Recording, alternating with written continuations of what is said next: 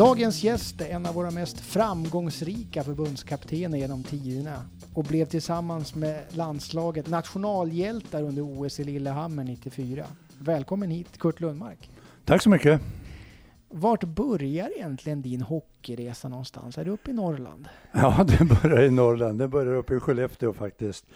Bodde ju alldeles i närheten av idrottsplatsen där, Norrvalla. Kallt och blåsigt och jäkligt där uppe, men eh, det tillbringade jag väldigt mycket av min tid. Sommartid, då var det fotboll och friidrott. Och sen när det blev eh, snö, is, då var det ishockey och vi hade ett väldigt, eh, ska vi säga, ett fint gäng som umgicks såväl sommar som vinter. Det var samma killar, men vi hade jäkligt roligt tillsammans och vi hade duktiga ledare också som inspirerade oss till att syssla med väldigt mycket av, eh, eller olika idrotter ska man säga. Och till slut så blev du väl back? Var det någon annan position som du snurrade runt vid eller var det back hela tiden? Nej, det var back i ishockey och forward i, i fotboll. Så att eh, murbräcka. Jag var tuff, tuff fotbollsspelare. Så att eh, jag fick eh, även eh, nosa på motståndarmålet, inte bara vara och simma i mitt eget mål. Så att det var väl den variation jag hade. Eh, men eh, ishockeyn var ju naturligtvis, man fick ju ta ansvar redan då. Och eh, de som tar ansvar i ett hockeylag, det är ju oftast backarna. Målvakterna har inte eh, det fokuset, höll på att säga, att ta ansvar, utan de, de ser till att ta pucken. Men backarna ska se till att målvakten trivs och slipper ta de svåra grejerna. Det tar ju backarna hand om. Och sen gäller ju för backarna också att se till att forwards är på rätt ställen på, på banan. Så att det var väl eh, vad jag kände att där ville jag vara. Men var det liksom ett embryo till ledaregenskaper och ledargestaltsrollen redan där tycker du? För din del? Ja, av någon underlig anledning så fick jag även eh, redan som pojklagsspelare och junior och eh, hela vägen upp så har jag haft antingen ett C eller ett A på bröstet. Varför förstår jag inte men eh, det var i alla fall så. Jag kände också en stolthet utav att få det, den, det förtroendet att vara spelarnas talesman så att säga. Stämmer det att du också spelade tillsammans eller mot Sven-Åke Svensson, gamla viktränaren där uppe? Ja, spelade mot, inte mer. Nej. Nej. Han var väl i Kiruna då antar jag? Ja, han var i Kiruna då. Han var i AIF och jag var i IFK. Så att eh, han har satt en del eh, spår på mig med hans elaka klubba så att jag haltar ibland och det är hans förtjänst, på att säga. Nej då, vi, vi mötte varandra. En härlig kille. Ja. Men vad var det som fick dig att flytta ner till Västerås i slutet på 60-talet, där 68 eller vad 68, var det? ja. ja. Först var det ju att jag flyttade upp till eh, Kiruna från Skellefteå. Det var väl det fanns två anledningar. Det ena det var att vi hade en tränare i Skellefteå som heter Lennart Höglander som inte var så där väldigt förtjust i oss unga killar. Han tydde sig till vi hade ju myggkedjan där uppe, hans eh, Svedberg. Vi, vi, hade ett fantastiskt lag i Skellefteå och han var deras, eller han såg till att de trivdes. Men med oss som juniorer, vi, vi var en pest för honom. Så att det kändes att skulle jag nå vidare i min karriär, då gällde det nog att flytta därifrån. Och sen fick jag då ett fint erbjudande ifrån IFK Kiruna. Mm. Och det var i samband med att jag skulle göra lumpen och den var placerad i Boden som eh, jag säga, kanonmat i en pansarvagn. Och det kände jag inte så där förfärligt mycket för. Så att de eh, ledarna i Kiruna ordnade då så att jag fick en förflyttning dit upp till jägarskolan. Det kändes, eh, det kändes bättre för mig helt enkelt. Och sen också, eh, ska vi säga, Kiruna. Jag hade varit där och spelat med Skellefteå över en julhelg och eh, ja, det fanns någonting exotiskt över Kiruna så jag kände att nej, men det där är kanske någonting, någonting för mig. Så att eh, flyttplatsen gick dit. Och jag förstod för mitt liv inte varför min mamma stod på flygplatsen och eh, fällde en tår då när jag satt på planet och flög vidare som eh, 19-åring då. Det, det fattade jag inte då. Jag var ju full av iver och mamma var ledsen att hon skulle mista mig naturligtvis då, att inte få mig hemma. Men eh, efterhand har jag förstått hennes eh, tårar. Kanske var glädjetårar också. Ja, det kan ju ha varit det. Det har inte jag tänkt på. Bra Jimmy. Nu kan jag inte fråga för mamma, för mamma är borta. Men, men vad var det som fick dig att byta då, den här norrländska kulturen till att flytta ner till Västerås? Ja, det var väl äh, IFK Kiruna. Vi, vi tampades ju varje år att vi skulle bli ett elitlag där uppe. Vi var med i kvalserie och vi hade också ett väldigt fint lag där uppe. Eller, genom åren, jag var ju där fem säsonger Så att det blev, eh, och jag var väl ganska framgångsrik där uppe så att jag var jagad av eh, i princip alla elitföreningar. Det hette ju inte elit då, men eh, de här stora föreningarna. Så jag var och käkade gratis luncher ett par, tre år i princip innan jag bestämde mig för att jag skulle flytta. Och då handlade det väldigt mycket om min utbildning. Jag hade startat en ingenjörsutbildning uppe i Kiruna och den fanns inte på så där förfärligt många ställen. Men här i Västerås så fanns den.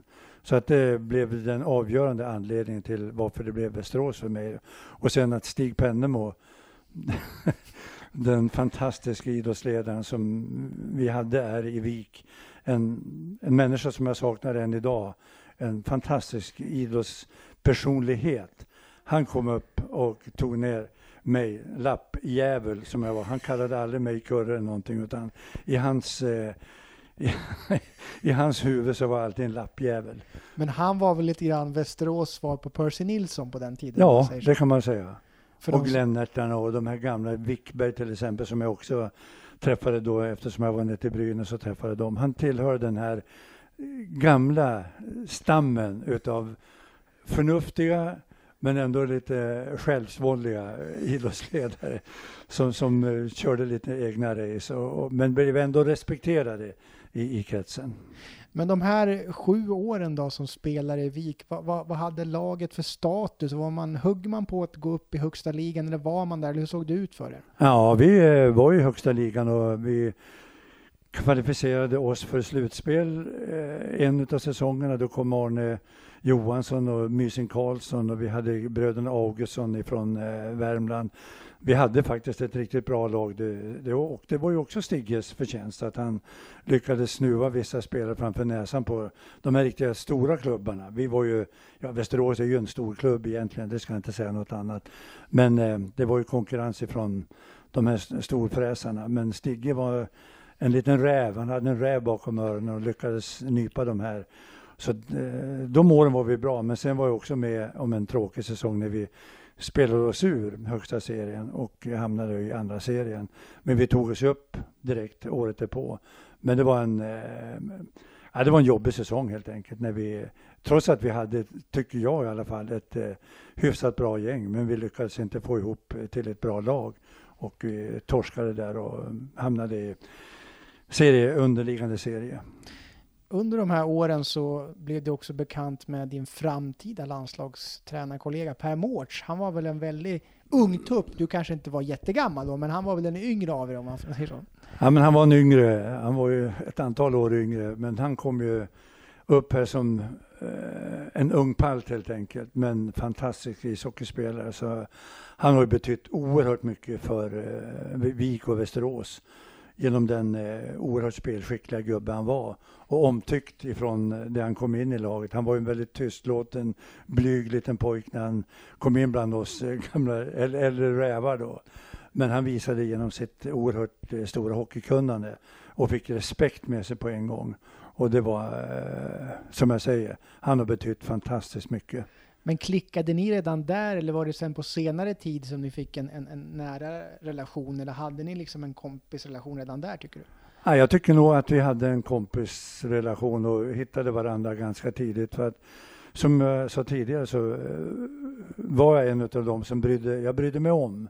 Jag brydde mig om de här yngre spelarna som kom in. Jag brydde mig om att laget skulle må bra. Jag hade de här ledaregenskaperna kan jag väl säga, utan att skryta. Och däribland var väl också Pelle då som vi skulle ta hand om och värna och se till att han fick den utveckling som han krävde för att vi skulle lyckas i laget. Och jag tror nog att eh, Pelle gillade att jag brydde mig om honom också. Och sen hörde till saken att hans föräldrar flyttade in i lägenhet efter mig på Stjärngatan. Så att eh, det blev också att vi kom närmare varandra via hans föräldrar.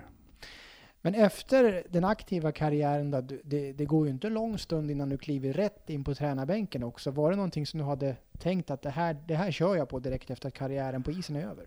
Ja, det blev väl mer eller mindre på det sättet. Jag gick ju de här ledar, ledarutbildningarna under tiden jag spelade så att jag var ju beredd. Jag visste att jag ville fortsätta med min eh, hockeykarriär på det sättet att eh, jobba som ledare.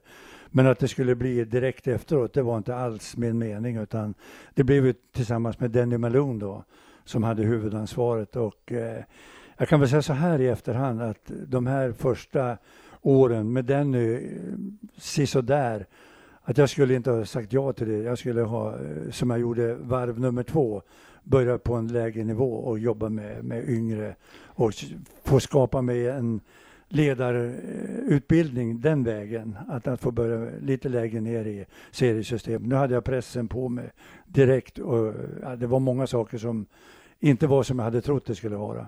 Men var det inte väldigt vanligt så för att var man lite äldre och hade spelat och bra karriär då blev man tränare direkt. Det var bara, att man behövde inte ha någon utbildning eller erfarenhet utan du skulle bara köra.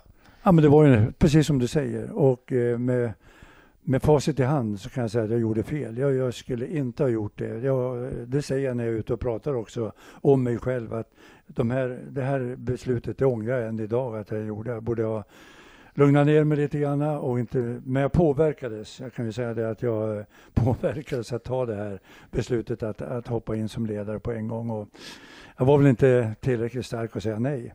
För det blir ju tio säsonger då. Dels junioransvarig. Var det hockeygymnasiet också du var på eller var du bara juniortränare där? Eller hur såg det ut där? Ja, det började med pojklag, de som var födda mm. 63. Så pojklag, juniorlag, både A och B. Och sen så blev distriktslagen också var engagerad i fyra eller fem år tror jag det var. Men eh, hockeygymnasiet, nej, inte nej. alls. Utan det var Kjell Larsson och Pelle Mårts som hade hand om det. Och efter de här tio säsongerna i Vik för det, det, blev väl aldrig eh, högsta serien eh, på tränarbänken där? Du, du, var väl med och tryckte på? Vi var nära, vi var nära och det var väl också en av anledningarna till att jag tänkte, nej men det är nog inte tänkt att vi ska vara i högsta serien. Vi var i kvalserien två år på raken och föll på mållinjen kan man väl säga. Och då föll vi andra året mot just HV71 där jag kommer att hamna så småningom. Men det kändes motigt. Vi, vi var så nära. Vi hade otroligt fint gäng, andra, i synnerhet andra året vi, vi spelade kval med 84-85 tror jag den säsongen var. Det var ett fantastiskt fint gäng vi hade fått ihop då. Vi var, ja, vi var så nära, men ändå så långt ifrån. Men då kände du att du behövde en liten nystart när du gick till Jönköping HV71 då, efteråt där? Nej, det var väl snarare att jag skulle sluta helt enkelt. Jag hade ju då startat eh, eget företag också tillsammans med ett antal människor, så vi hade dragit igång det här företaget. Och jag hade väl mer eller mindre lovat dem att nu skulle jag ägna min tid åt företaget och etablera oss där i, i Västerås. Men eh, sen bara någon dag efteråt så hörde Denny Eriksson av sig från HV71 och ville att vi skulle träffas och prata om en eventuell framtid i HV71. Och det blev så pass intressant att jag bestämde mig då för att efter en veckas betänketid att jag skulle eh, hoppa in och eh, ta det jobbet nere i Jönköping. Och vad, vad var den största läropengen du fick med dig därifrån? Och vart utvecklade du dig som ledare tycker du? Där? Ja, det som framför allt gjorde att jag eh, funderade överhuvudtaget, eller reflekterade på att ta det jobbet, det var att man hade 12 stycken egna produkter som var Jönköpingskillar som kom från när, närområdet, smålänningar men inte långt ifrån Jönköping. Så jag kände att det finns ett oerhört stort hjärta i den föreningen och det det lärde mig också att det var en eh, HV-anda där som var enormt stark. Och sen var ju intresset för HV71, det, var, det fanns ju ingenting annat. Så jag vet när vi kom ut i första träningen så satt det väl ungefär en 500-600 människor på, på läktarna. Det gjorde mig också lite konfunderad. Vad fan gör de här människorna här? Jo, de följde våra träningar minutiöst första veckorna där. Och det var ju inte van härifrån. Men eh, framför allt den, den härliga eh, Jönköping, eller HV-andan. På vilket sätt man drev föreningen där nere. Det var starka viljor och starka ledare som eh, skötte föreningen på ett alldeles fantastiskt sätt. Men efter åren i HV då så kommer du in i Tre Kronor och eh, landslaget. Det var väl också någon period med juniorlandslaget där innan också? Ja, det var hade parallellt. För att det var Tommy Sandlin som var då eh, huvudansvarig för Tre Kronor som eh, ja, vi kom väldigt bra överens och eh, han gillade väl mitt sätt att leda människor, att jobba som ledare. Så att han, han förordade mig helt enkelt till att ta hand om B-landslaget Vikingarna som det hette då. och, men han ledde ju då Tre Kronor. Så att vi träffades ett antal gånger och han sa att eh, om inte du har någonting emot så vill jag att, eh, vill jag att du tar hand om Vikingarna och för dem vidare för att utbilda spelarna för att komma till Tre Kronor. Det kände jag som en oerhört sporre för mig. Så Vikingarnas syfte var liksom, det var, var det dåtidens juniorlandslag då? Det, Nej, det, det fanns juniorlandslag också. Men det fanns, det fanns, ja, ett utvecklingslandslag kan man kalla det. För du hade både juniorer, J, J20 och sen så kom Vikingarna som ett utbildningslag. Och det, jag svårt än idag att förstå att man spolade Vikingarna, för det var en fantastiskt fin eh, anstalt. En mellan, ett mellanläge mellan att vara junior och komma in i Tre Kronor, vilket man nu ställer krav att man ska klara av.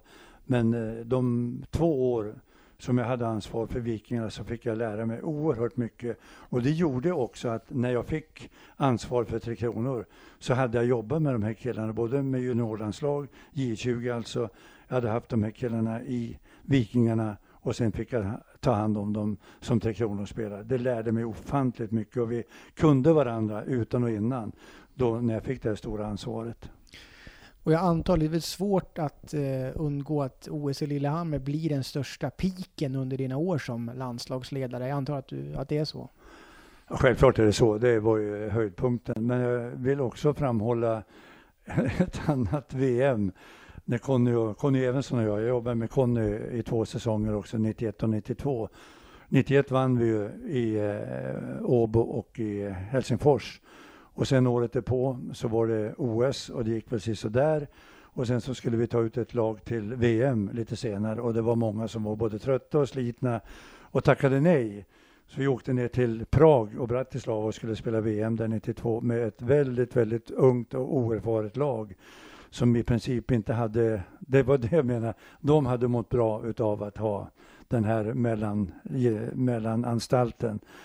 Vi åkte dit med 16 debutanter och blev världsmästare där nere också. Så det var också något fantastiskt stort att få åka hem med eh, en guldmedalj med det gänget. Så att eh, det är ju de två pikarna jag har kan jag säga om man är konspiratoriskt lagd då, hur kommer det sig att det var så många västeråsare med i det här OS i Lillehammer-laget alltså, som hade så framskjutna positioner? Det är bara en slump eller? Nej, det är absolut ingen slump. Det vill jag absolut inte påstå, utan det var att de var... Man känner ju dem allra mest. Man visste hur de fungerar i med och hur de fungerar i motgång. Man kände deras mentala styrka, man kände deras hockeykvaliteter. Kände dem väldigt, väldigt väl.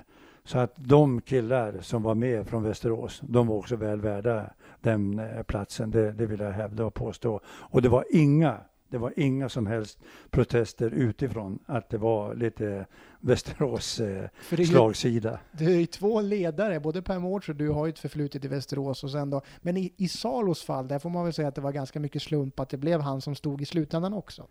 Ja, det är många som hävdar det, men eh, jag skulle vilja hävda, och jag tror Pelle säger samma sak, att Salo visste vi i princip.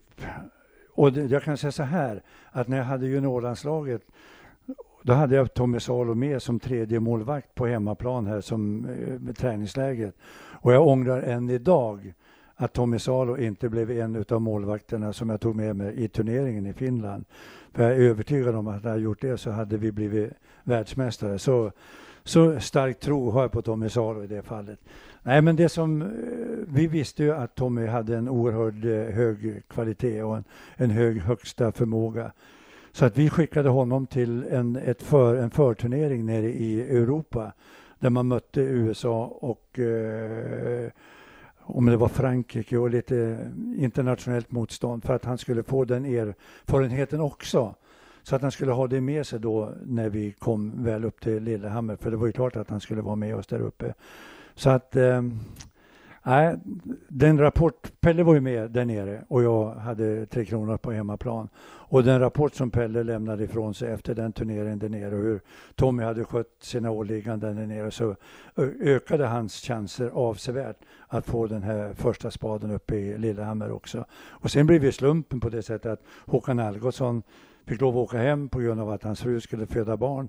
Så det var, det var liksom ingen snack efteråt. Och sen historien, den är ju ganska fantastisk med, med, med Tommys eh, prestationer där uppe. Men vilket minne, jag antar att det har med straffarna att göra, men finns det någonting annat under turneringen som man inte tänker på som är ditt starkaste ögonblick från Lillehammer? Ja, det finns så många, det finns så otroligt många eh, sådana här händelser över en eh, hel turnering.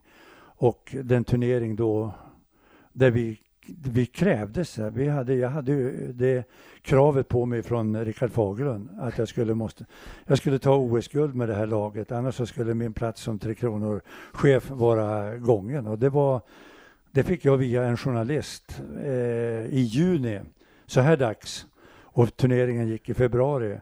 Att om inte det skulle bli guld då skulle jag också mista min eh, position som Tre Kronors coach. Men var kom det kravet ifrån? Var, det var väl ingen som visste vilket typ av lag ni skulle ha? Då? Nej, men det var det, jag, det var det jag sa till den här journalisten också. Hur, kan, hur fan kan han säga det? Skojar du med Jag trodde att den här Niklas Andersson hette han, Expressen journalist, han ringde mig. Alltså, du måste skoja med mig. Nej, sa han, det är precis vad Rickard har sagt. Ja, men fan, det är ett halvt år och vi vet inte vilka som är hela och kan ställa upp. Det finns ju inte planer i världen att man kan sätta ett mål nu. Ja, men det var vad Rickard sa. Ja, men han kan inte ha sagt det. Ja, han har sagt det. Så när jag kom hem på kvällen, då ringde jag till Rickard. Och vi pratade som vi alltid gjorde, lite ditt och datt. Och så Rickard, en journalist ringde till mig idag och sa så här att blir det inte OS-guld så är din tid som förbundskapten över. Har du verkligen sagt det? Det kan du det fan på, sa han. Så det var vad jag hade som eh, ryggsäck genom hela den här förberedelseperioden och när det hände saker där uppe. Och sen hade vi, det är många händelser, men vi fick också en eh, liten jobbspost genom att eh, Peter Forsberg och Charlie Berglund i varsitt lag spelade en mycket, mycket viktig match inför slutspelet som var kommande när vi kom hem ifrån OS. De spelade då på Globen, en viktig match, och de började slåss med varandra i sista perioden. För det är ju, de coacherna matchar ju de två mot varandra självklart. Så det blev en jäkla fight där ute och Pelle och jag satt ju på läktaren och tittade på det här och tänkte hur fasen blir det här? Och därtill så skulle de dela rum med varandra från och med dagen därpå. Det hade ju inte de en susning om helt enkelt. Så Pelle och jag satt och grubbade rätt länge på kvällen. Hur, hur gör vi nu? Ska vi, ska vi låta de här dela rum med varandra eller ska vi eh, sära på dem? Så vi satt och käkade middag där tillsammans med, med Peter då på kvällen. Och Peter var inte så glad åt Kjell. Han tyckte det var en jävla tajdome. med han att han är någon jävla slagskämpe. Han, han öste eh, okvädesord över stackars Kjelle.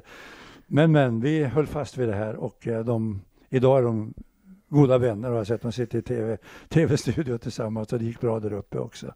Men efter eh, Tre Kronor då, då hamnade du ju i Tyskland. Vad var det som fick dig? Dels gick väl kontraktet ut antar jag med Tre Kronor, men vad, vad tänkte du då efter landslaget? Vad, vad hade du för alternativ och vad, vad ville du? Ja, vad ville jag egentligen? Jag tyckte att eh, de åren tillsammans med Conny och med Pelle och de framgångar vi hade haft, det var, det var svårt att eh, i princip och sen var det en generations, ett generationsskifte där också så att det kändes på något sätt att jag var klar. Åtta år i förbundets eh, verksamhet. Det kändes att nu, nu är det klart. Och sen hade jag då erbjudanden ifrån både Schweiz och ifrån Tyskland. Som eh, kontrakten låg framför mig på bordet så att det var i princip att välja vilket jag skulle ta. Och jag tyckte det här erbjudandet ifrån Berlin att det kändes väldigt eh, inspirerande och, och lite kaxigt att eh, ta sig an det lag som man hade hört talas om väldigt mycket från den mörka tiden där nere, att det fanns två lag där nere i Ja, för det här var inte Eisbären Berlin, det här Nej, var andra. det här var Berlin Capitals som heter det västlaget mot östlaget. Så spelar man ju förut. Så det här var västlaget så att säga som hette Preussen Devils här, den här säsongen. Så jag var nere och träffade deras eh, management och eh, bestämde mig ganska snabbt för att det här, det här lät väldigt intressant för mig. Jag fick jag hade väl ett ska vi säga, rykte om mig att våga satsa på unga spelare och inte vara rädd för att eh, testa olika saker. Och de hade ett gäng ganska unga lovande spelare. Sen hade man sju stycken kanadensare och en amerikan i truppen. Så att det var en brokig blandning. Polacker var finländare. Vi hade en och en halv svensk. Jag tog med mig Fredrik Stillman. Och sen fanns det en kille där nere som hade en svensk pappa och en tysk mamma. Fabian Brännström hette han. Så att det, det var en eh, legion kan man säga där nere. Men sen var det då en fyra, fem stycken inhemska tyska ungdomar som var väldigt, väldigt lovande. Och det var ju dem de ville att jag skulle försöka matcha in och det gjorde jag också. Så att jag hade en fantastiskt fin säsong i, i Tyskland. Men vi måste ju reda ut en sak här, för eh, enligt statistiken vilket Elite Prospect, så står det att du tar ju guld i Jokerit 97. Och sen så står det att du kommer tillbaka i oktober och slutar i februari 98. Vad, vad, vad hände där? In, ja, ut, det, guld och vad... det, det har jag också undrat många gånger. vad hände egentligen? För att år ett i eh, Jokerit en fantastiskt fin förening. Jag trivdes otroligt bra. Sen så eh, kom jul, juluppehållet och jag hade tre spelare kvar. De andra var olika landslag. Det var eh, för OS och det var i Svestia som måste gå junior-VM. Så jag hade tre spelare att leka med under juluppehållet. Och sen kom de här tillbaka. Och sen så eh, startade Europacupen hette det på den tiden och vi mötte Frölunda i eh, dubbla matcher. Vi spelade oavgjort på bortaplan och sen kom Frölunda till, eh, till Helsingfors och vi möttes där. Vi fick stryk med 1-0. Vi vann skotten tror jag med 64-11 och de gjorde ett mål. Och jag blev som vanligt kallad till eh, Jallis Harkimo, hette han som ägde föreningen, en karismatisk eh, finsk idrottsledare. Och vi satt och pratade måndagsmöte och så sen sa han bara plötsligt till mig, Nå Kurre, sa han, jag tror inte att du är någon vinnare längre. Jaha, titta lite undrande på honom och sa, så våra vägar skiljs nog efter denna säsongen. Men detta kan vi behålla för oss själva, sa han. Ja, det, är du som bestämmer, så, så att eh, det får väl bli så då, tänkte jag. Jag var väl rätt besviken, det var jag. Jag tänkte, vad fasen, det är juluppehåll och med tanke på de förberedelser som jag hade haft med det här laget, det fanns ju inte.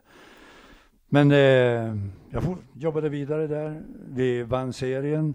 Vi vann eh, kvartsfinal 3-0. Vi vann semifinal 3-0. Vi vann final 3-0. Vi var obesegrade. Och jag stod på Senatstorget där och tog, tog emot folkets jubel. Då kom eh, min lagkapten och frågade, Kurre, eh, ska inte du vara med oss nästa år? Och jag hade ju lovat att inte säga någonting, så att jag sa, jag känner inte till någonting. Eh, det får vi gå och fråga Jallis om. Så vi gick till Jallis och då sa han, det vet du väl för fan, sa han. ja, men jag har sagt, jag skulle ju inte säga någonting till någon och nu har jag hållit fast vid det. Hur är det nästa år? Nå, du har fått sparken, sa han. Ja, då var det så. Så att det var bara att lämna laget och eh, det var, ja, det var sorg, sorgligt, det måste jag säga. Och då hade du blev... kontrakt ett år till? Ja, jag hade kontrakt ett år till. Okay, så, så de bryter kontraktet? Ja, de bryter kontraktet, men det löste sig. Så att ja. det, det mådde jag inte illa utav på det sättet. Men eh, redan på sommaren, under sommaren så ringde spelare till mig och frågade vad jag höll på med. Jag sa, jag gör ingenting, jag går runt här och rullar tummarna. Men kan du tänka dig att komma tillbaka till Jokerit? Ja, nej, vad, fan, vad ska jag göra där? Jag har fått sparken en gång, så vad fan ska jag göra där? Ja, men vi vill ha dig tillbaka, det fattar ju du också. Vi trivdes med varandra och vi hade jätteroligt och vi vann serie och vi vann ju allting. Så vi ville inte, då hade man Sakari Pietele som hade varit uppe i Luleå tidigare. Han var ju då kontakterad för att vara deras tränare. Men det funkade inte så där väldigt bra vad jag kunde förstå. Sen kom hösten, serien startade och fler spelare började ringa. Sen ringde Jallis också. Nå, vad gör du? Så, ja, jag gör ingenting. Kan du tänka dig att komma tillbaka till Jokerit? sa han lite så här. Nej men säger Jalle, står ju sparka med en gång. Jag kan inte, kan inte räkna med att jag ska komma tillbaka till dig. Jo men grabbarna, grabbarna vill ha tillbaka dig. Ja men du då? Jo men det är nog, jag är nog inte ovillig jag heller. Nej, men så jag måste fundera på det här. Ja men jag ringer på torsdag sa han. Det här var någon söndag eller en lördag. Jag ringer på torsdag. Och då fick de stryk på torsdag, de spelade matcher på torsdag. Då har de fått stryk, han ringde sent en kväll. Kurre, det ligger en flygbiljett som på, på Arlanda på, på fredag, som imorgon då. Nej, men så, nej, nej, nej, nej, nej, nu tar vi det lugnt i backarna här. Så, du, du måste ju förstå, jag måste prata med Gunilla, min fru också. Jag kan inte bara sticka iväg. Och, det fattar du att det här är ett ganska eh, viktigt beslut för mig. Nej, men biljetten ligger redan, så ja, ja, ja, ja, ja, ja. Så, ring mig om en timme. Så var klockan var framåt halv två när han ringde igen. Nu har du bestämt det? Ja, men så jag, jag kommer över. Nå, perfekt, sa han. Och det blev stor uppståndelse. Vi spelade mot jag kommer ihåg, vi spelade mot Ilves första matchen uppe i Tammerfors då, första, och det var på lördag redan. Så det var in i hetluften på en gång. Och vi vann där borta och ja, men jag tyckte att allting gick eh, ganska bra. Men nu hade man värvat eh, en spelare som jag var väldigt, och det var kanske också en av anledningarna till varför jag eh, inte fick vara kvar de kom och presenterade Europas bästa ishockeyspelare för mig, Mika Nieminen. Och jag hade Ottakar Janetski var min stjärna, så att säga, Jokerits stjärna. Och få två stjärnor i samma lag, det är någonting som jag aldrig har tyckt... Eh, man bygger inte laget på det sättet. Och det visade sig också att det var en nästan till hopplös uppgift. Så så mycket tid som jag ägnade att vara i omklädningsrummet de här månaderna som jag var där för att få ihop det här till ett lag. Det har jag aldrig i mitt liv gjort och kommer säkert inte att göra heller. För de, de var två helt eh, motpoler som fick var sin struktur under sig. Så att, eh, nej, det blev inget lag och jag lyckades inte. Hur, hur mycket jag än kämpade och slet för att få, få de här olika fraktionerna att eh, tycka om varandra så lyckades jag faktiskt inte. Mika med den helt underbar killen underbart duktig ishockeyspelare, Ottakar Janetsk på samma sätt. Men de kom inte överens helt enkelt. Och så, så blev det. Så att, eh, Men då fick du februari, sparken igen? Ja, fick jag, och den, den måste jag ta, för den är ganska unik. Ja, det här februari, min fru är född i skottårsbarn. Så vi hade match emot eh, IFK, Derby, på kvällen. Och jag åkte med planet tidigt på morgonen hem till Sverige, upp till Kiruna. Vi firade min fru uppe i ishotellet där uppe. Jag åker tillbaka till Arlanda, kommer till Arlanda och så säger hon, så då, på den tiden checkar man in sig. Då säger hon, din biljett är annullerad. Annullerad? Så. Ja, den gäller ju inte längre. Men så, jag kom hit i förrgår, så. Kan, kan den ha, vad kan ha hänt då? Ja, den är annullerad idag, sa hon. Ja, men vad fan då? Så ringde jag till, till Alice. Du, jag kommer till Arlanda nu, så min biljett gäller inte längre. Nej, du har fått sparken, sa han. Men så, du, du, kan inte mena det. Jo, jag har fått sparken. Fick ju stryk av, av eh, ärkefienden. Då kan man inte vara kvar här. Vi fick stryk med 4-1. Så det var äh, rätt märkliga saker som hände vid båda tillfällena. Idag kan jag skratta åt det, och, men då, då kändes det ganska jobbigt. Men Känner du då att du är klar med tränaryrket efter den här kaosperioden i Jokerit? Eller vad, vad, känner du då? Det här, nu pratar vi någonstans 98 va?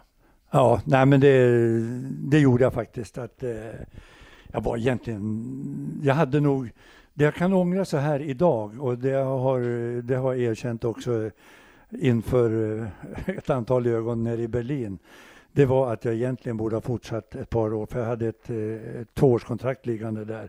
De ville förlänga med mig, men jag hade sådana otroliga påtryckningar ifrån Jallis och Jokerit att de ville absolut att jag skulle komma dit. Och jag kände också ett, eh, en längtan eller en, jag vet inte, jag kände något, Jokerit, jag har ju varit i Finland, man, man var i Finland rätt ofta och jag lärde känna ledare i Jokerit under tiden som jag var i landslaget också, trivdes med dem. Så att det, det fanns en sån där inre längtan att få jobba med dem också.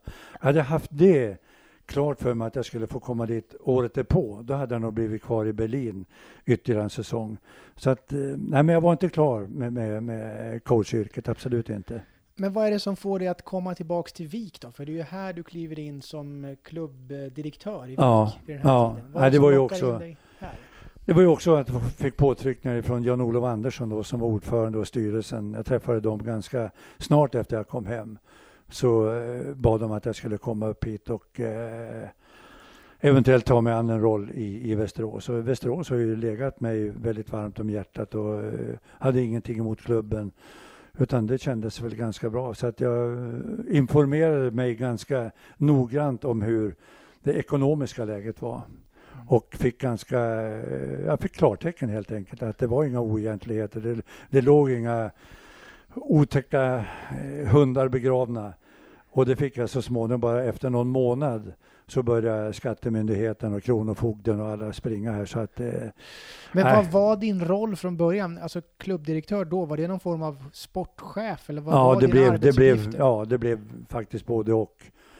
Jag, jag var satt som klubbdirektör att jag skulle eh, ta hand om klubbens eh, verksamhet och ett övergripande ansvar.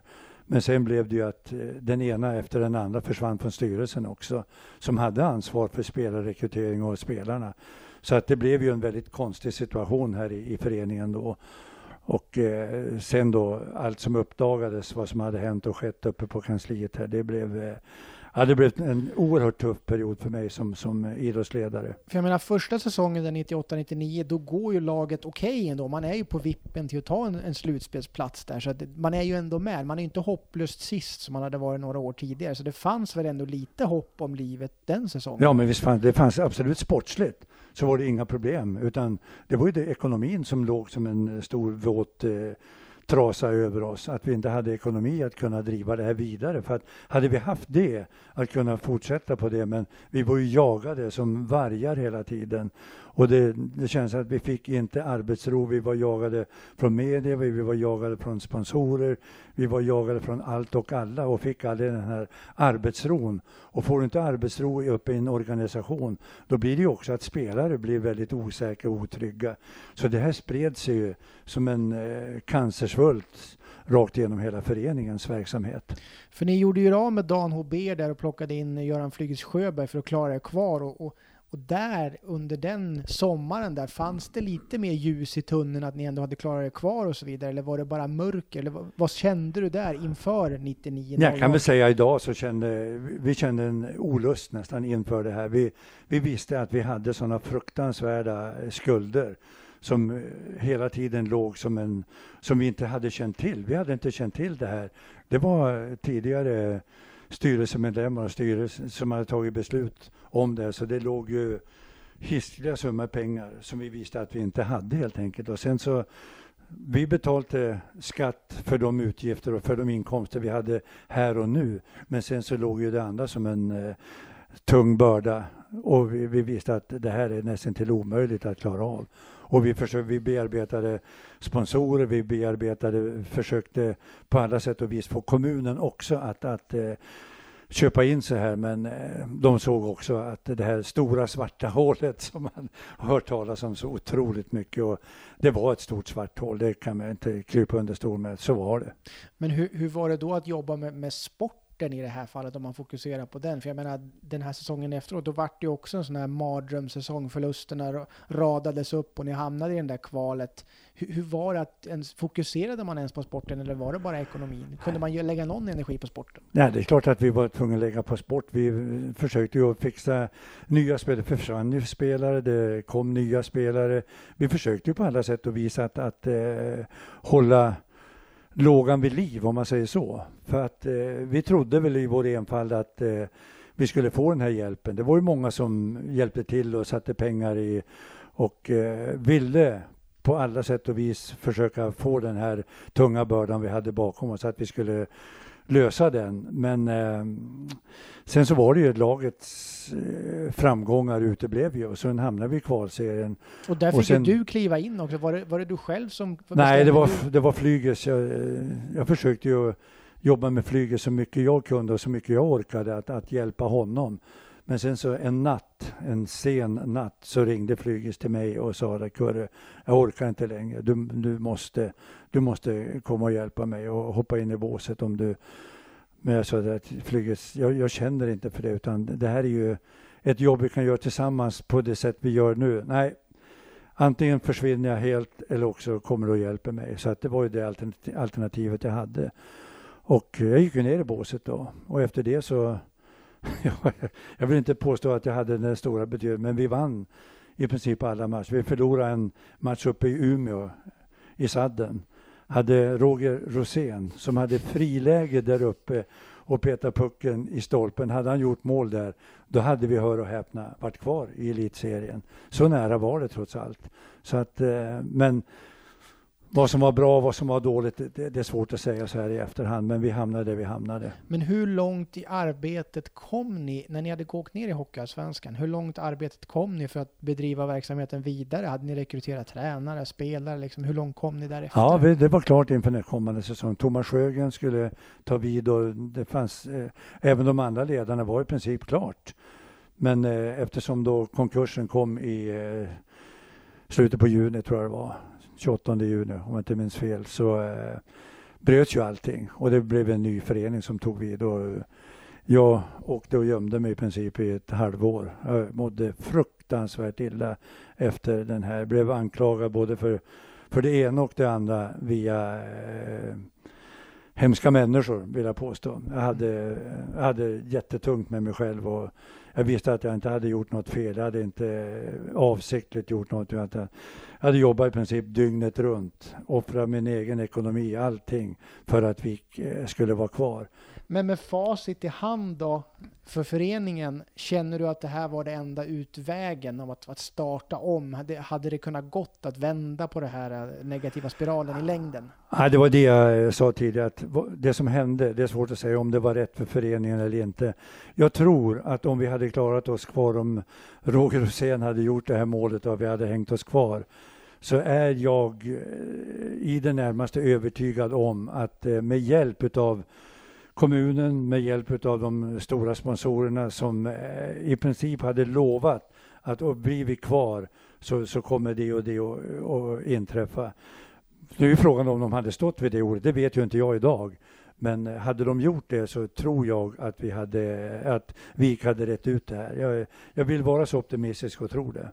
Efter det här så dröjer det ju fram till 2006 tills du står i ett bås igen. Det är alltså sex år efter det här när du tar över Leksand där. Hur, hur, var din inställning till hockeyn då efteråt? Nej, men den var väl, eh, jag gick och tittade på hockey, men inte i Västerås då, utan jag åkte och tittade på hockey på andra ställen. Och sen jobbade jag i ett företag som heter Infront, ett sportmediaföretag uppe i Stockholm, ett schweiziskt företag, så att jag hade eh, ansvar för Svenska ishockeyförbundets marknadssida och eh, handbollen också, Svenska handbollsförbundet, så att jag var ju nära idrotten i min profession så att säga. Så att eh, när Leksand hörde av sig, det var ju också ett jäkla tjat där. Eh, under ett halvår kan jag väl säga innan jag gav med mig för att jag var inte så där tvärsäker. Men eh, jag trodde lite bättre om de spelare som man hade där uppe. De hade ju också ett väldigt eh, spretigt lag den här säsongen. Det var väl sju tjecker och ett antal slovaker och amerikaner och ja, det, det fanns en väldigt brokig blandning där uppe. Det var en enda mas i laget, det var Jesper Ollas. Det var den enda som hade Dala-anknytning. Så att när jag kom upp och satte mig och pratade med de spelarna var och en för sig så fick jag en ganska klar uppfattning att eh, alla hade i princip ett annat jobb på gång. Och, eh, men då hade jag redan sagt ja till det här. Jag borde ha tagit det här samtalet innan. Då hade jag inte hoppat på det här, det kan jag säga med, med rak arm idag. Så det var ett, eh, i princip mission impossible. Och det, det, kan jag säga även idag, att så som det fungerar i föreningarna idag när i princip halva lagen redan under halva säsongen har klart med nya föreningar. Det får inte fungera på det sättet. Det, det är förödande. Det som händer här i Vik idag också med Östman som försvinner innan han ens har eh, flyttat in i lägenheten här. Någon, det måste finnas någon ordning och reda i det här. Annars så kommer idrotten att må... Ja, vi, vi, fördör, vi fördärvar oss själva på något sätt. För det enda eh, inhoppet som jag vet när du tog en lite mer, vad ska man säga, aktiv roll i ett elitlag, det var väl när du stöttade upp Fredrik Nilsson där när han var som bollplank i Vik 0910.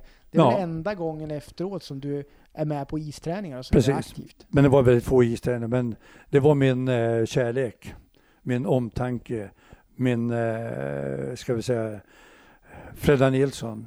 Var det han som bad dig? Eller ja, det var Fredda som bad mig. Ja, visst, absolut. Och, eh, jag kände, kände för Fredda en otroligt fin eh, människa och en otroligt duktig ishockeyspelare som hade hjälpt mig också under tiden som förbundskapten och spelade i landslaget. Så jag gillade Fredda och kunde jag hjälpa honom så var jag beredd att göra det i den mån jag kunde. Men Fredda är... Han hade också på något sätt, jag tror, Fredda är inte den som ger upp, absolut inte.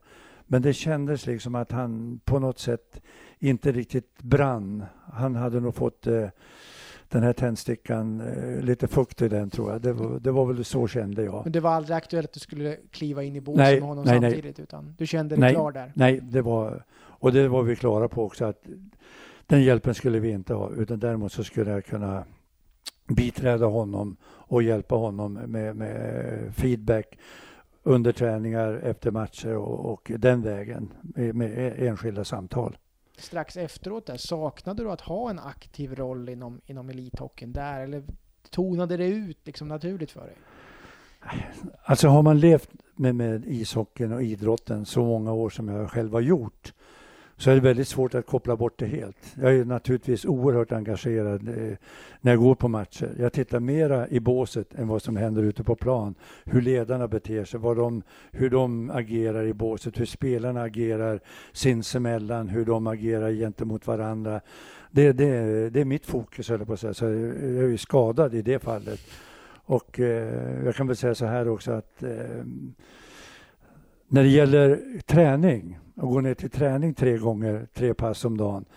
Det tycker jag, det har jag gjort mitt. Men att förbereda lag och coacha lag, det känner jag det är fortfarande drivet inom mig när jag sätter mig och ska titta på en match. Och det som är så skönt för mig det är att jag får syssla med Tre Kronor Legends. Vi får träffas ett antal gånger per år och vi får träffa varandra under eh, rätt så lättsamma förhållanden.